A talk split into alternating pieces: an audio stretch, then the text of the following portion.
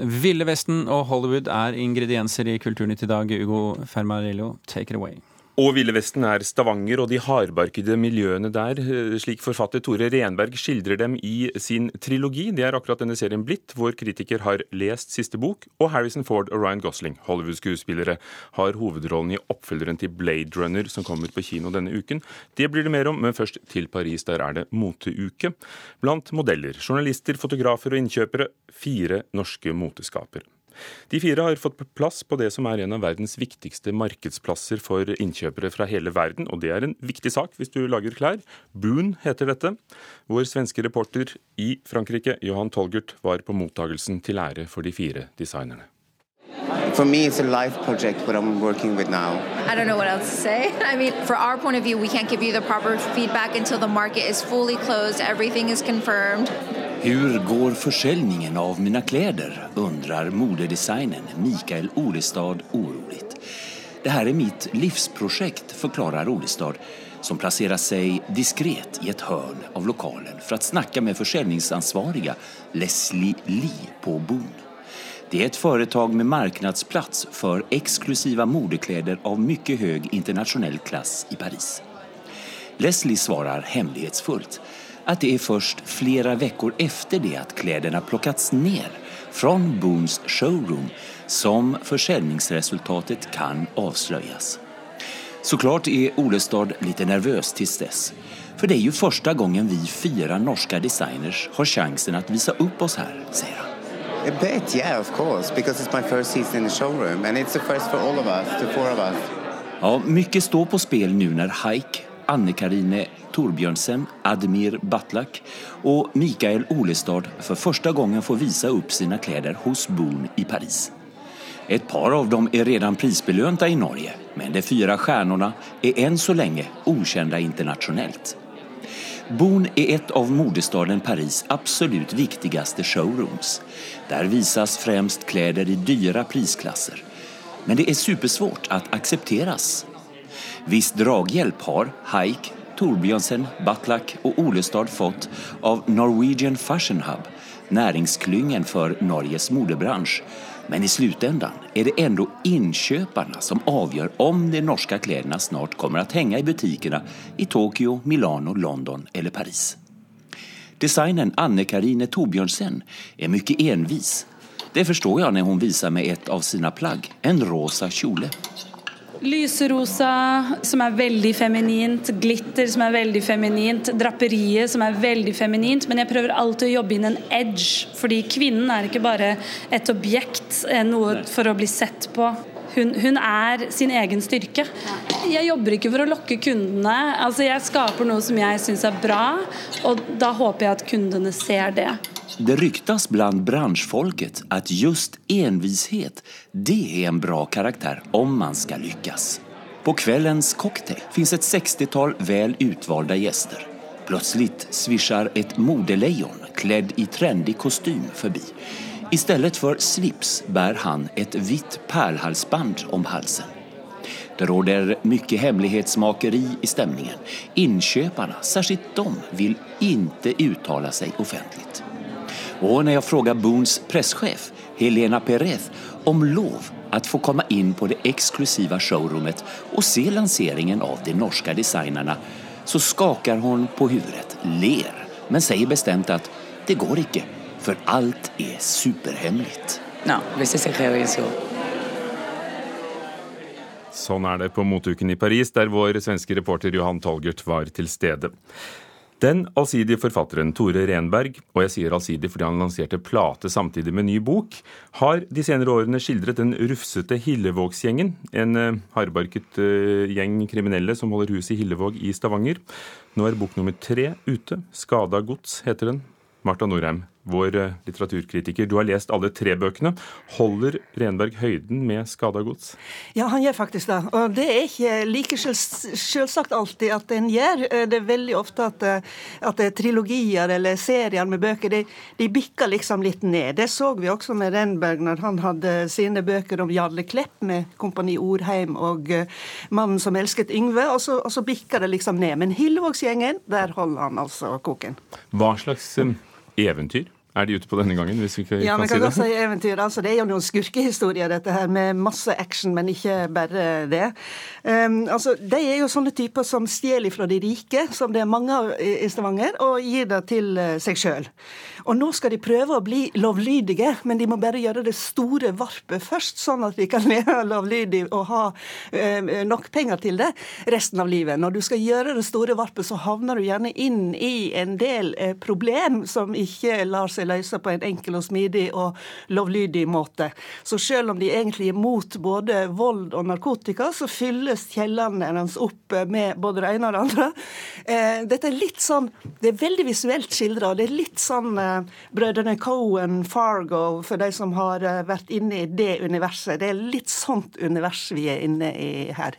Og hva gjør det til en god fortelling til, til god litteratur? Ja, altså Det er jo veldig moro å lese. Det er jo, det er jo uh, en god ting.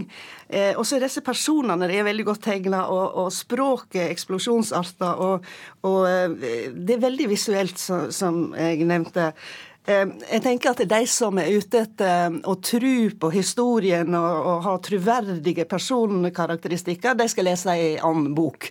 Så her må en bare liksom henge med i svingene. Sjøl sleit det litt når, når det dukka opp en boss som liksom tok det hele ett hakk videre, men det er ikke så viktig. Det er litt sånn take it or leave it, dette her, altså. Slik du kjenner Tore Renberg, og etter å ha lest bøkene og, og sett om det er noen løse tråder, tror du det er siste boken om Hillevågsgjengen?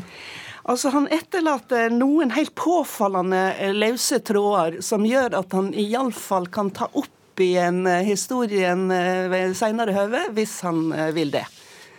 Marta Norheim, 'Skada gods' av Tore Renberg, takk skal du ha.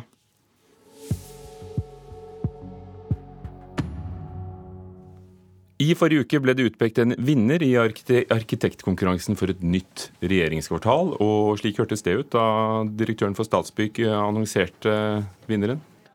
Vi er glad for å kunngjøre i dag at vi har til hensikt å inngå kontrakt med prosjekteringsgruppen Team Urbis, som står bak løsningsforslaget Adapt. Ja, det var direktøren Harald Nikolaisen. Men hva slags materiale skal det hele bygges av? Det er det mange som er engasjert i. Oddvin Aune, reporter. Ja, Spørsmålet mange stiller seg er jo om det nye regjeringskvartalet rett og slett skal bygges i tre. Eh, det er jo flere politikere som har engasjert seg i saken tidligere. og De trekker fram at argumentene for tre er at det er både miljøvennlig, at det kan gi viktige arbeidsplasser i Norge, og at det ser eh, pent ut. Og SVs stortingsrepresentant eh, Karin Andersen sier i Nasjon at det er viktig å satse på klimavennlig byggemateriale for store bygg. Og da må man gå løs på regjeringskvartalet, holdt på å si med hammer og spiker. Vi har jo sett noen um, høyhus allerede som er bygd i Norge i, i, tre. Kan det skje at Statsbygg går inn og sier at hele sulamitten skal bygges i tre? Det kan skje. Uh, for i vinnerforslaget til uh, denne arkitektkonkurransen så er det ingenting som sier noe om hva slags materiale det skal bygges i. Men uh, Viktig, et viktig element med det nye regjeringskvartalet er jo å tenke på sikkerhet. og Da spørs det jo hvordan tre kommer ut i konkurranse med stål og betong. Vi har antydet også Facebooks toppsjef Mark Zuckerberg er en angrende synder, eller bare ser det sånn ut? Ja, Om, om ikke synder direkte, så har han uansett bedt om unnskyldning på vegne av Facebook. Han har lagt ut en beklagelse der han, eh, der han eh, syns det er trist at Facebook har blitt brukt for å skape splittelse i samfunnet. Eh, Facebook har jo tidligere blitt beskyldt for å gjøre altfor lite for å hindre spredningen av eh, falske nyheter, særlig da i forbindelse med valgkampen i USA. Og nå innrømmer da Zuckerberg at han har undervurdert problemet med feilinformasjon under valgkampen, og ber om tilgivelse på vegne av Facebook og seg sjøl. Takk skal du ha. Oddvin Aune, og det skal handle om fremtiden. Hvordan vil den se ut? Det er jo nettopp det science fiction-filmer eh, og bøker forsøker å gi et bilde av og svare på. Denne uken får klassikeren fra 80-tallet Blade Runner en fortsettelse på norske kinolerret. Harrison Ford og Ryan Gosling spiller hovedrollene. NRKs filmjournalist Birger Vestmo fikk møte de to i London. I think the scope of the world, how massive the, the story is, but at the same time, the intimacy of the uh, storytelling, the the uh, emotional interactions between the characters, the fact that uh, it's really quite a an intimate and personal story at the heart of something that's that's so uh, conceptual and visual. er like omfanget av verdenen, hvor stor historien er, men samtidig den intime historiefortellinga og interaksjonen mellom figurene, sier Ryan Gosling. What do you want? I want to ask you some questions. How long you been here? I Blade Runner 2049 spiller han LAPD-offiseren Kay, som snubler over en forferdelig hemmelighet og legger ut på leiting etter Rick Deckard, spilt av Harrison Ford, som har vært forsvunnet etter begivenhetene i den første Blade Runner fra 1982. Ridley Scotts klassiker er en krysning av film noir og science fiction, med handling lagt til et mørkt, regntungt, dystopisk og futuristisk Los Angeles anno 2019. Ting blir ikke bedre i 2049, skal vi tro Harrison Ford. Yes, we're screwed, but we're but but there but there there is potential. There's some of the potential that existed even then and was predicted and has become part of the details of our life, or the reality of our life. And some of it equips us for opportunities to confront the issues, and some of it is um, not so pretty. We're in the at the point where we we need to attend to the world. Noe av det vi ser i filmen gir oss muligheter til å konfrontere problemstillingene, og noe av det er ikke pent. Vi har kommet til et punkt der vi må pleie verden, sier Harrison Ford. Blade Runner 2049 er regissert av Denis Villeneuve, mannen bak kvalitetsfilmer som Polytechnique, Prisoners, Sicario og Arrival. Ryan Gosling er godt fornøyd med valget. It was really something to watch him make this film because he has such reverence and respect for the original, and yet he never seemed intimidated by it. He had a great vision for this film, and he just used his admiration for the original as inspiration for this. And um, I think it was really remarkable how he was able to sort of navigate those, those waters and make this. Det var en opplevelse å se han under innspillinga, for han har slik respekt og ærbødighet for originalen, men virka aldri stressa av det, sier Ryan Gosling om Denis Villeneuve. Blade Runner 2049 har premiere førstkommende torsdag. How can you tell if something really happened? Tell me what you remember. Og da får vi også vite hva norske kritikere mener om Blade Runner 2049, som vi kan velge å kalle den. Det var Birger Vestmo som møtte Harrison Ford og Ryan Gosling i Kulturnytt i Nyhetsmorgen.